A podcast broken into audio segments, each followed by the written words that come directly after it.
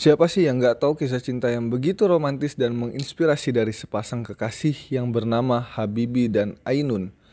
Kisah cinta yang berhasil diabadikan dalam sebuah buku yang berjudul Habibi dan Ainun yang kini udah difilmkan hingga pada seri ketiganya membuat kisah mereka akan terus abadi dan melegenda. Kau udah nonton film-filmnya belum?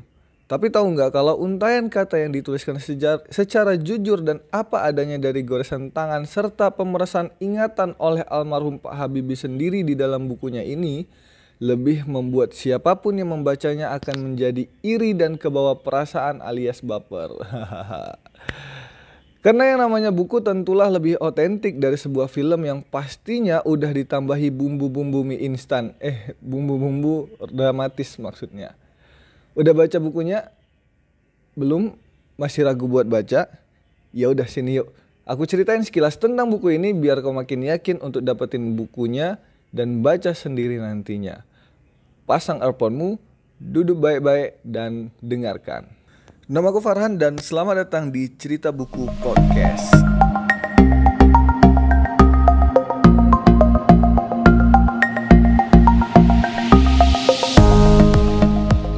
Assalamualaikum warahmatullahi wabarakatuh. Ya, sebelumnya aku mau ngucapin turut berbela sungkawa atas wafatnya salah satu putra terbaik bangsa ini pada 11 September 2019 kemarin yang juga merupakan penulis sekaligus tokoh di dalam buku biografi cinta Habibie dan Ainun ini. Selamat jalan sosok inspirasi bangsa almarhum Profesor Dr.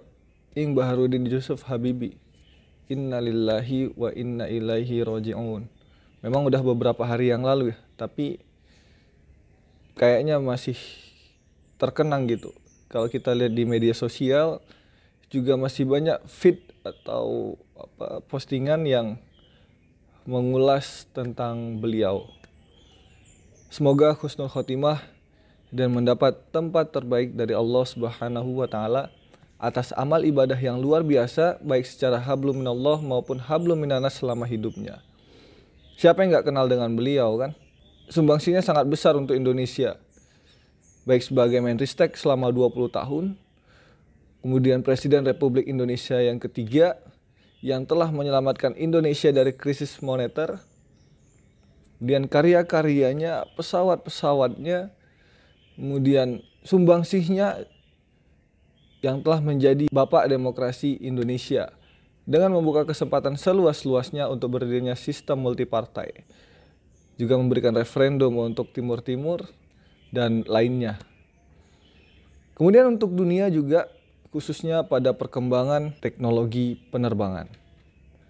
Sejenius kelahiran Parepare Sulawesi Selatan ini telah membuat bangga bangsa Indonesia dan umat Islam di era modern ini untuk itu, marilah kita teladani apa yang telah beliau lakukan selama hidupnya ini. Kita jadikan inspirasi untuk kita lebih baik lagi ke depannya mengembangkan diri, khususnya untuk anak-anak muda nih. Nah, anak muda harus contoh bagaimana kisah mudanya almarhum.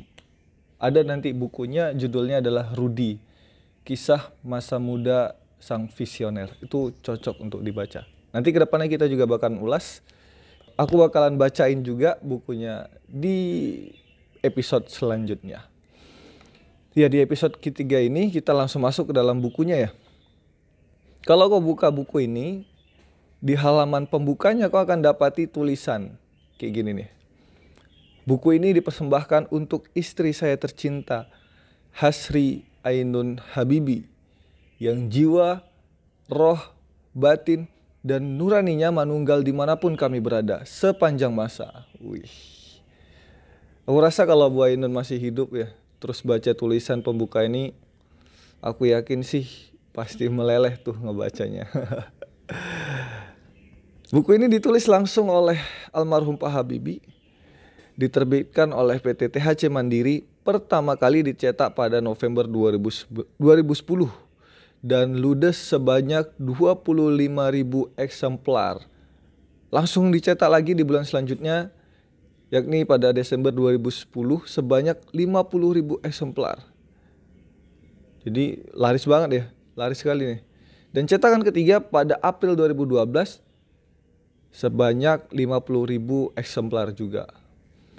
Buku ini tebalnya adalah 323 halaman dengan dimensi 14,21 cm. Jadi standar lah ya. Buku ini berisi kisah perjalanan hidup Pak Habibie dan Bu Ainun dalam menjalin, menjalani mahligai bahtera rumah tangga mereka. Buku ini hmm, terdiri dari 37 bab. Masing-masing babnya mengandung hikmah tentang kehidupan rumah tangga sang profesor dan istrinya.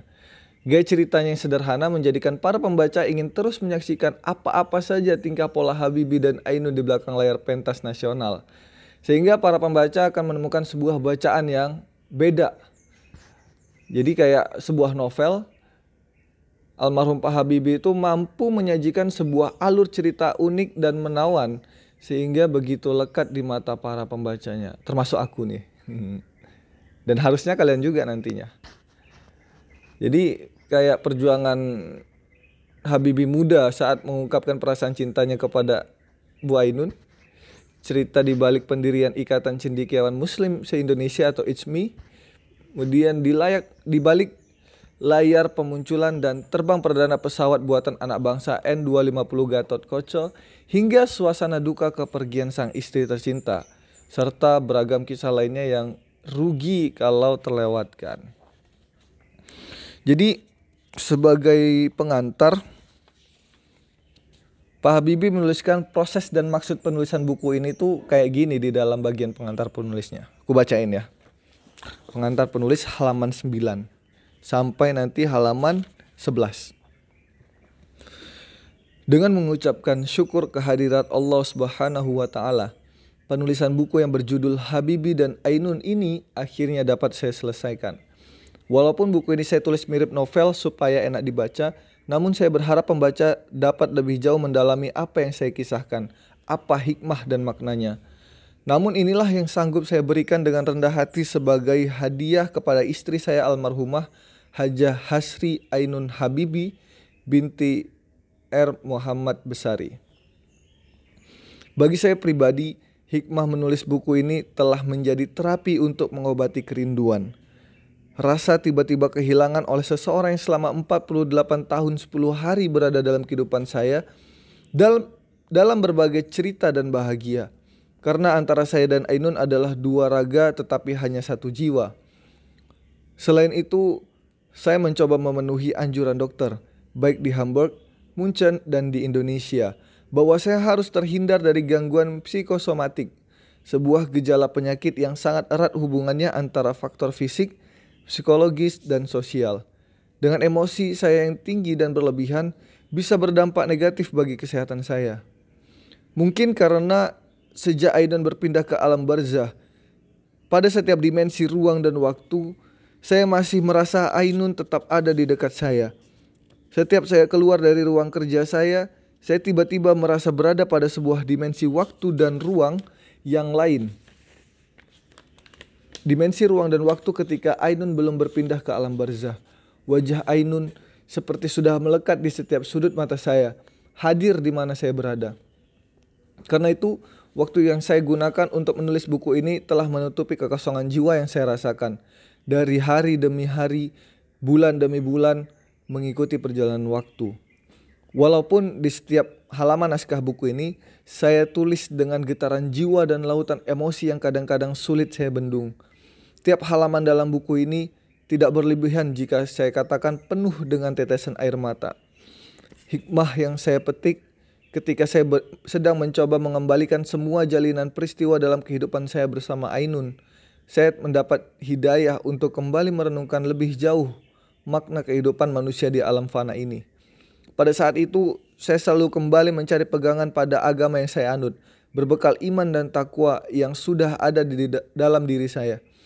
Demikian pula mengenai makna kehadiran seorang ayah dan ibu, makna kehadiran seorang suami dan istri dalam kehidupan sebuah rumah tangga, Akhirnya, tanpa mengingkari peranan besar kedua orang tua saya yang memberi corak dan bekal kehidupan saya hingga seperti sekarang ini, dalam penghayatan saya, kehadiran Ainun yang mendampingi saya selama 48 tahun 10 hari telah menjadi api yang selalu membakar energi, semangat, dan jiwa saya menjalani hidup ini dan sekaligus air yang sewaktu-waktu menyiram dan merendahkan gejolak jiwa saya hingga kembali tenang. Ainun selalu hadir memberikan keseimbangan dan menciptakan harmoni dalam kehidupan keluarga kami. Dengan kerendahan hati untuk memberi suaminya selalu berjalan di depan, seperti ungkapannya, "The big you and the small I." Lebih dari itu, dalam pribadi Ainun yang telah memancarkan keteduhan, ketulusan, kesenduhan dengan mata yang indah memukau, jadi penuntun biduk rumah tangga kami bagaikan sebuah lagu yang nada, ritme dan syairnya sudah diorkestra sedemikian rupa sehingga selalu harmonis. Di samping itu, saya juga ingin memenuhi permintaan dari berbagai kalangan yang menganjurkan saya menuliskan pengalaman dalam rumah tangga kami, khusus mengenai kehidupan Ainun yang memberikan keteladanan dan inspirasi sebagai guru kehidupan yang mungkin akan berharga dan bermakna bagi masyarakat untuk dipetik saripatinya. Saat-saat di mana kami lebih memaknai kehidupan ini sebagai pasangan hidup sejati yang diberkahi Allah Subhanahu wa taala menjadi menjadi keluarga sakinah, satu jiwa, satu hati, Ainun yang ditakdirkan menjadi bagian pada diri saya dan diri saya yang sudah menjadi bagian dari Ainun. Semoga tulisan ini telah memberi hikmah bagi saya pribadi. Semoga pula apa yang saya tulis dalam buku ini bisa memenuhi harapan publik yang mendorong saya mengungkapkannya. Sejumlah fakta sejarah dalam kehidupan saya yang saya ungkapkan dalam buku ini memang seharusnya bukan milik saya pribadi, bukan milik Ainun, tetapi menjadi milik publik milik bangsa ini untuk dicatat dalam sejarah. Terakhir, ingin saya sampaikan bahwa hasil penjualan buku ini sepenuhnya akan disumbangkan untuk organisasi sosial yang ditujukan bagi pengembangan sumber daya manusia yang saya dirikan bersama Ainun. Saya menyampaikan terima kasih kepada semua pihak yang telah ikut membantu sehingga buku ini dapat diterbitkan. Jakarta, 60 November 2010, Baharudin Yusuf Habibi. Nah, itu kata pengantar yang dituliskan oleh almarhum Pak Habibie ya. Jadi benar-benar buku ini akan dicatat dalam sejarah. Jadi di dalam buku Habibie dan Ainun ini gak cuma sekedar bicarain tentang cinta-cintaannya aja gitu. Tapi dari 37 bab ini almarhum Pak Habibie itu pengen ngasih tahu gitu loh bahwasanya di balik pria yang sukses itu ada wanita hebat di belakang. Jadi benar ya ungkapan itu. Pak Habibie juga uh, mengatakan hal yang sama. Saya jadi saya ini karena karya dua orang. Dua-duanya itu ada seorang wanita, ibu yang melahirkan saya dan Ainun isi yang mendampingi saya selama 48 tahun dan 10 hari. Ainun itu tiap hari baca Al-Quran. Sekurang-kurangnya dua juz tiap hari. Dan uh, Ainun itu kalau berpikir sangat rinci dan jauh ke depan. Di mana ada Ainun, ada Habibi. Di mana ada Habibi, ada Ainun. Titipan Allah, bibit cinta ilahi pada tiap insan kehidupan di mana pun. Saya dan Ainun tetap tak terpisahkan lagi. Seribu hari, seribu tahun, seribu juta tahun, sepanjang masa sampai akhirat.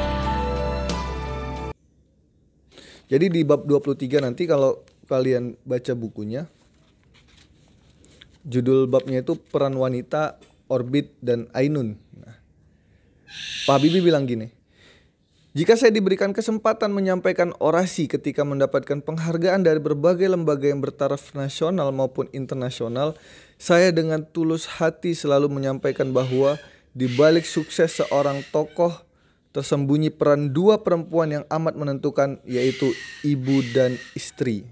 Jika saya mengucapkan kata-kata tersebut, saya biasanya melihat ke arah Ainun tetapi Ainun selalu tidak memperlihatkan ekspresi wajah yang berubah. Ia tetap tenang dan terlihat biasa-biasa saja walaupun semua hadirin biasanya melirik dan tersenyum kepadanya. Namun saya tahu Ainun menyadari bahwa apa yang selalu saya sampaikan seperti itu adalah pernyataan saya yang bukan sekedar basa-basi, tetapi selalu tulus keluar dari lubuk hati saya yang dalam. Secara budaya dan agama, bangsa Indonesia sangat menghargai kaum wanita.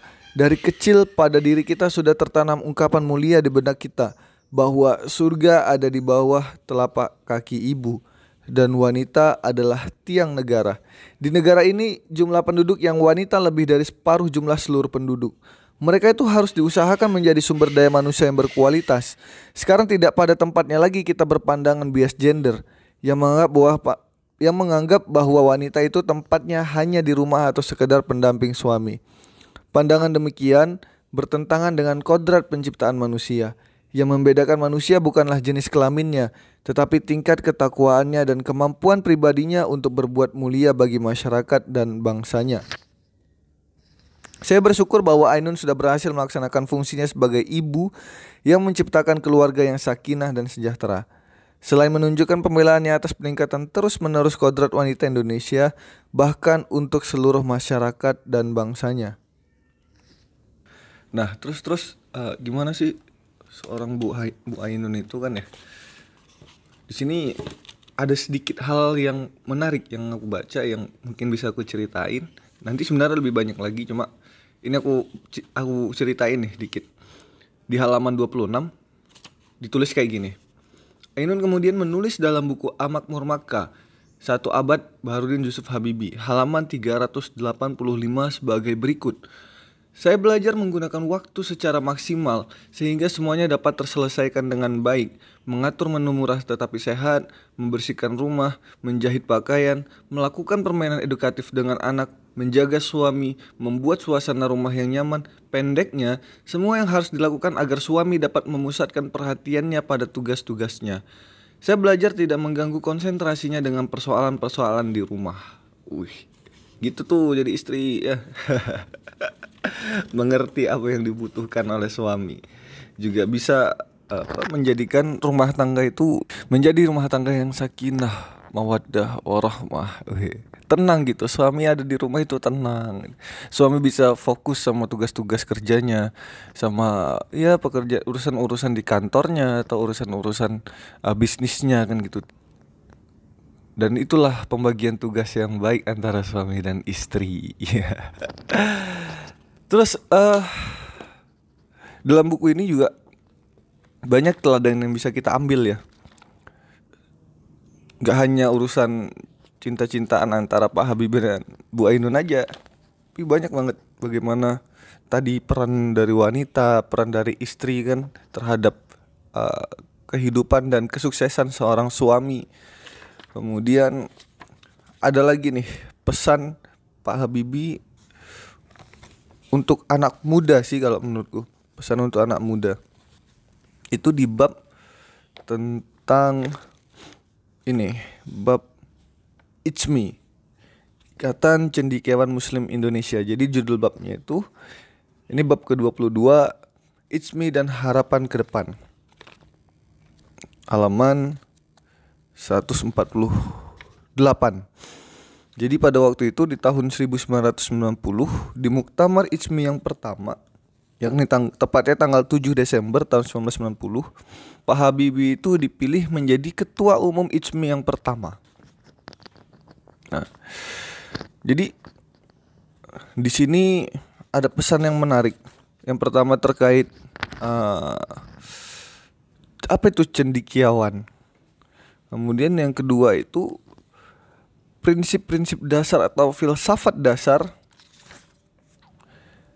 yang menjadi landasan untuk menjawab problematika masyarakat khususnya umat Islam pada waktu itu dan mungkin aku rasa berlaku hingga sekarang. Ini menarik. Katanya itu gini. Menjelang pendirian ICMI, muncul berbagai saran dan usul mengenai definisi kecendikiawanan. Ini perlu untuk mendefinisikan siapa saja yang boleh dan tidak boleh menjadi anggota ICMI. Ada yang mengusulkan sekurang-kurangnya harus tamat SMA. Ada yang mengusulkan minimal S1. Ada yang mengusulkan sekurang-kurangnya haji atau harus kiai. Pokoknya banyak usulan. Dalam usul-usul yang beraneka ragam dan divergen tersebut, saya mengambil kesimpulan dan memberikan definisi cendikiawanan sesuai ajaran Al-Quran, sesuai interpretasi saya, bukan sebagai orang yang mampu menilai, tetapi sebagai konsumen dari analisis Al-Quran. Kendati demikian, sebagai konsumen pun saya mempunyai otak untuk berpikir. Saya berkeyakinan bahwa dalam ajaran agama Islam dengan nilai moral dan etik Al-Quran itu Cendikiawan adalah siapa saja yang sangat peduli terhadap kehidupan lingkungannya, baik manusia atau seisi jagat raya alam semesta ini. Mereka harus peduli apa saja. Kalaupun dia seorang guru besar, profesor doktor, dan meraih hadiah Nobel, tetapi dia tidak peduli pada sekitarnya, hanya peduli pada laboratorium dan penelitiannya saja, bagi saya dia adalah seorang ahli atau pakar saja, bukan seorang cendikiawan. Mereka yang tidak peduli terhadap kehidupan lingkungannya dan hanya kepada buku dan ilmunya saja, dia bukan cendiak dia bukan cendikiawan dan tidak tepat pantas menjadi anggota ICMI. Titik sentralnya adalah tetap manusia itu sendiri, hanya manusia yang sangat peduli dan memiliki nilai-nilai moral dan etik yang berakar dan berunsur pada agamanya. Untuk para anggota ISMI adalah apa yang tersirat dalam Al-Qur'an sebagai nilai-nilai yang diturunkan oleh Allah Subhanahu wa taala melalui Nabi Muhammad sallallahu alaihi wasallam. Itulah definisi cendikiawan muslim menurut saya. Orang-orang yang memanfaatkan nilai-nilai moral berdasarkan Al-Quran dan sangat peduli kepada kehidupan lingkungannya, orang semacam itu bagi saya adalah cendikiawan muslim sejati. Jadi tuh uh, definisi cendikiawan menurut almarhum Pak Habibie. Jadi bukan sekedar orang yang profesor, guru besar, atau peraih hadiah Nobel, pintar pun dia belum termasuk seorang cendikiawan kalau dia tidak peduli terhadap kehidupan lingkungannya. Ataupun dia yang sering baca buku, memiliki pengetahuan yang luas, ketika dia belum peduli terhadap kehidupan lingkungannya, maka dia belum pantas untuk disebut dengan seorang cendikiawan. Nah, jadi banyak ternyata tingkatan pengetahuan ini ya, ada ilmuwan kan itu, ada pakar, ada ahli, ada cendikiawan yang dia bijak menggunakan keilmuannya untuk kemaslahatan masyarakat luas. Nah, itu kalau mau masuk ICMI itu syaratnya. ini jadi pesan untuk kita kan untuk anak-anak muda yang lagi proses belajar, proses menimba ilmu. Jadilah seorang cendikiawan Jangan hanya sebagai seorang ilmuwan atau seorang pakar atau seorang ahli saja atau hanya seorang pembaca buku saja, tapi jadilah seorang cendikiawan yang bermanfaat untuk orang banyak. Contohnya seperti almarhum Pak Habibie yang jasanya, yang kebermanfaatan hidupnya sangat dirasakan oleh masyarakat luas, bukan hanya orang Indonesia, tapi orang seluruh dunia. Nah, tuh untuk anak muda. Khususnya untuk aku sendiri sih. Jadi insight yang bagus kan? Cek yang bermanfaat untuk kita semua. Terus ini selanjutnya kata Pak Habib ini selanjutnya saya mengusulkan filsafat dasar pada definisi tentang cendikiawan adalah Al-Quran sebagai satu-satunya bahan perekat umat Islam pada umumnya khususnya cendikiawan mulai dari lahir sampai akhirat sepanjang masa yang menjadi landasan seorang cendekiawan itu kata Pak uh, di paragraf tersebut, paragraf itu tadi ya, yaitu Al-Qur'an. Nah, udah baca Al-Qur'an belum? Sedekat apa jarak kita dengan Al-Qur'an? Itu ya. Al-Qur'an itu menjadi landasan, menjadi filsafat dasar untuk kita menimba ilmu. Kalau Allah Subhanahu wa taala mengatakan kan di dalam Quran surah uh, surah Mujadilah ayat 11 dibilang di situ bahwasanya yarfa'illahu alladhina amanu minkum walladzina utul ilma darajat. Allah akan meninggikan derajat orang-orang yang beriman di antara kamu dan orang-orang yang berilmu. Jadi ketika kita berilmu Allah akan tinggikan derajat kita. Tapi jangan hanya sekedar berilmu aja itu tadi berilmu dan juga beriman berlandaskan Al-Quran. Allah udah janjikan itu tuh di dalam Al-Quran banyak lagi janji-janji Allah dan banyak banyak juga nanti peringatan-peringatan untuk kita manusia agar tahu bagaimana seharusnya berbuat di muka bumi ini. Maka dari itu Pak Habibie mengatakan bahwasanya filsafat dasar dari seorang cendikiawan adalah Al-Qur'an. Kemudian lanjut lagi. Kata Pak Habibie gini. Berpegangan pada filsafat dasar Ijmi tersebut diharapkan dapat menghasilkan satu kesatuan dan satu kekuatan. Dialog selalu menjadi awal toleransi, sedangkan toleransi adalah dasar dari pengertian dan kerjasama yang saling menguntungkan. Pada gilirannya jelas akan meningkatkan produktivitas dan daya saing. Dialog harus dimulai pada peningkatan kualitas pendapat yang sama dan jangan dimulai dengan pemikiran yang bertentangan. Dari titik inilah diharapkan dialog dapat mulai mencari titik-titik temu lainnya. Titik-titik temu tersebut selanjutnya dikembangkan menjadi garis-garis temu. Dari garis-garis temu kemudian dikembangkan menjadi permukaan-permukaan temu yang bisa berkembang lagi. Kalau itu terjadi, maka semua faset permukaan yang saling bertemu dipatri dan dilekatkan sepanjang masa oleh Al-Quran dan Sunnah. Saya tidak membenarkan untuk memulai mencari titik-titik antagonis yang berlawanan. Jika kita memulai dengan mendiskusikan perbedaan tersebut, maka umat Islam tidak pernah akan bersatu, selalu akan ribut. Oleh karena itu, saya berani mengambil kesimpulan untuk memimpin dan selalu berpegang pada filsafat dasar tersebut. Derivatif atau turunan dari filsafat dasar adalah prinsip dasar yang terdiri atas lima prinsip untuk meningkatkan pertama, kualitas berpikir. Kedua, kualitas bekerja. Baik kualitas berpikir maupun kualitas bekerja erat kaitannya dengan produktivitas bekerja. Berpikir dan bekerja adalah satu dengan yang lain berhubungan. Bukankah orang yang bekerja itu harus berpikir? Bagaimanapun orang bekerja harus berpikir bagaimana keduanya dapat melaksanakan pekerjaannya sesuai dengan peraturan yang berlaku, supaya apa yang dilaksanakan sesuai dengan harapan. Ketiga, meningkatkan kualitas berkarya. Ada perbedaan orang bekerja sesuai dengan peraturan-peraturan yang berlaku dan orang yang berkarya yang mengembangkan pemikiran-pemikiran baru dan kalau perlu merubah peraturan-peraturan yang berlaku. Dengan sasaran strategi dirubah yang mampu meningkatkan taraf kualitas kehidupan dari manusia itu sendiri. Hanya manusia sajalah yang dapat berpikir, bekerja, dan berkarya. Hanya manusia yang dapat meningkatkan kualitasnya sepanjang masa. Tahapan demi tahapan dari kualitas kehidupan manusia. Keempat, adalah meningkatkan kualitas iman dan takwa atau saya singkat kualitas imtak. Sekaligus meningkatkan kualitas penguasaan ilmu pengetahuan dan teknologi atau iptek. Itu harus dilakukan dalam satu tarikan nafas.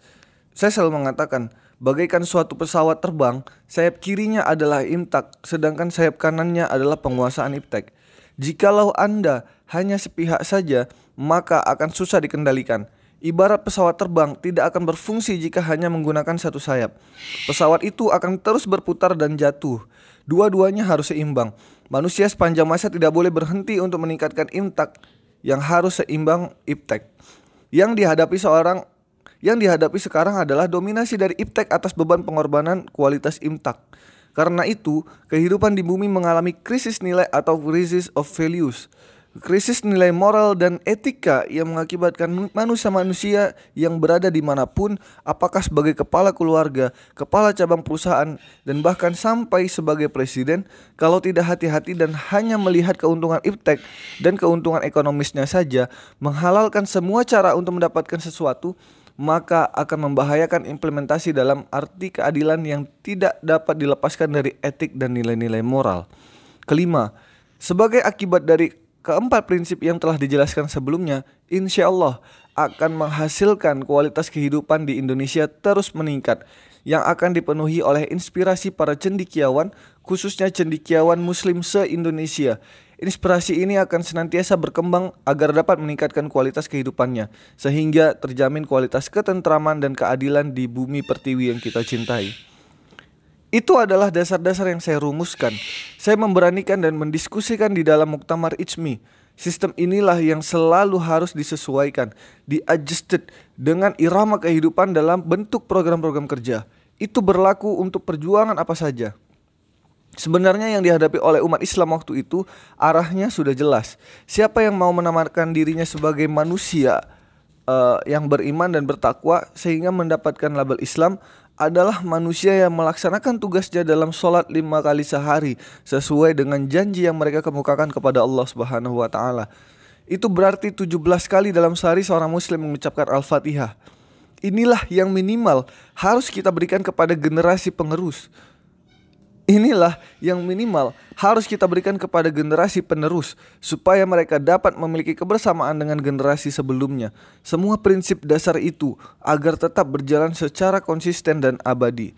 Sistem harus dikembangkan dan disesuaikan dengan situasi dan kondisi sehingga kita tetap unggul dan kalau bisa lebih unggul dari generasi sebelumnya. Itulah yang disebut progres. Nah, itu pesannya Habibie kan yang bisa kita ambil pelajarannya loh, yang bisa kita ambil teladannya untuk menghadapi problematika problematika hari ini khususnya umat Islam dan para pemudanya.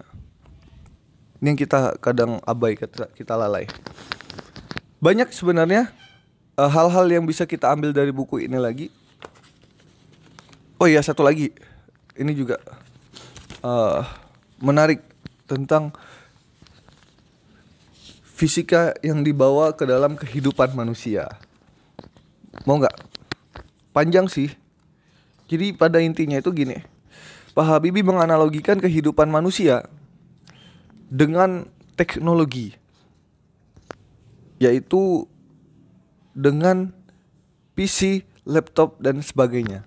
Nah, jadi Pak Habibie uh, menganalogikan itu tubuh fisik kita itu adalah dianggap sebagai sebuah hardware. Dan jiwa, roh, batin serta nurani itu disebut dengan software atau lebih tinggi. Pak Habibie mengatakannya sebagai super intelligent. Nah, tadi ada software, ada hardware. Nah, Ketika raga atau tubuh manusia tidak berfungsi lagi, software manusia akan keluar dari raga atau tubuh yang bersangkutan. Ke mana? Dari mana energinya? Itu nanti yang disebut dengan uh, seseorang itu meninggal dunia karena softwarenya telah telah berpisah dari hardwarenya. Jadi nanti di sini Pak Habibie akan membahas tentang quantum energy bahas tentang dimensi-dimensi yaitu dimensi panjang, dimensi lebar, dimensi tinggi, dimensi waktu, dimensi kecepatan dim hingga nanti akhirnya uh, quantum energy itu tadi. Pak Habibie di sini menjelaskan tentang bagaimana dan ke mana Bu, Bu Ainun itu berada setelah dia wafat. Bagaimana dia masih tetap bisa ber, ber apa berinteraksi dengan Bu Ainun walaupun mereka berada di dua dunia yang berbeda. Wah, keren nih. Jadi memaknai kehidupan dengan sains. Jadi sains itu jangan cuma sebagai sesuatu yang dogmatis, menghafalkan rumus-rumus, tapi tidak terimplementasi dalam kehidupan masyarakat. Tidak digunakan sebagai pisau analisa dalam berpikir.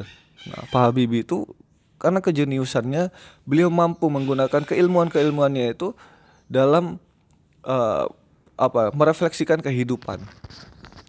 Menarik kan ya? Jadi gimana? Menurut kalian?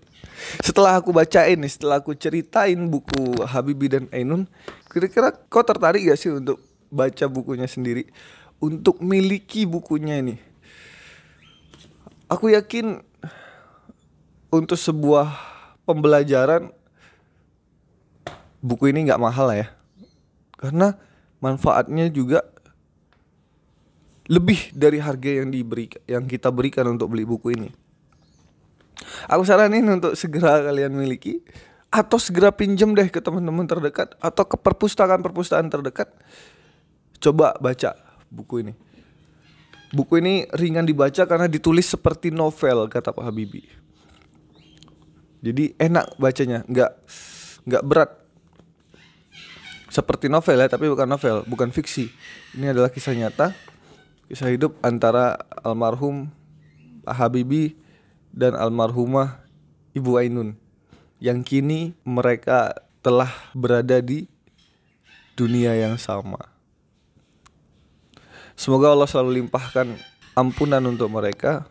Allah berikan rahmatnya hingga nanti Allah tempatkan mereka di surganya Allah di jannah insyaallah amin amin Allahumma amin karena pahala jariahnya ini banyak nih luar biasa dengan kita baca buku ini juga semoga amal kita nanti menjadi amal jariah untuk uh, mereka berdua. Semoga semoga. Ya mungkin itu dulu untuk uh, cerita buku di episode kali ini. Aku Farhan Abdillah dari Monte undur diri. Sampai ketemu lagi di buku-buku selanjutnya Di cerita-cerita buku selanjutnya Dan di episode selanjutnya. Semoga dengan ini kalian uh, lebih senang untuk baca buku Tenang aja duduk di sana. Kalau nggak suka baca buku Aku bacain. See ketemu lagi di kesempatan selanjutnya. Assalamualaikum warahmatullahi wabarakatuh. Dadah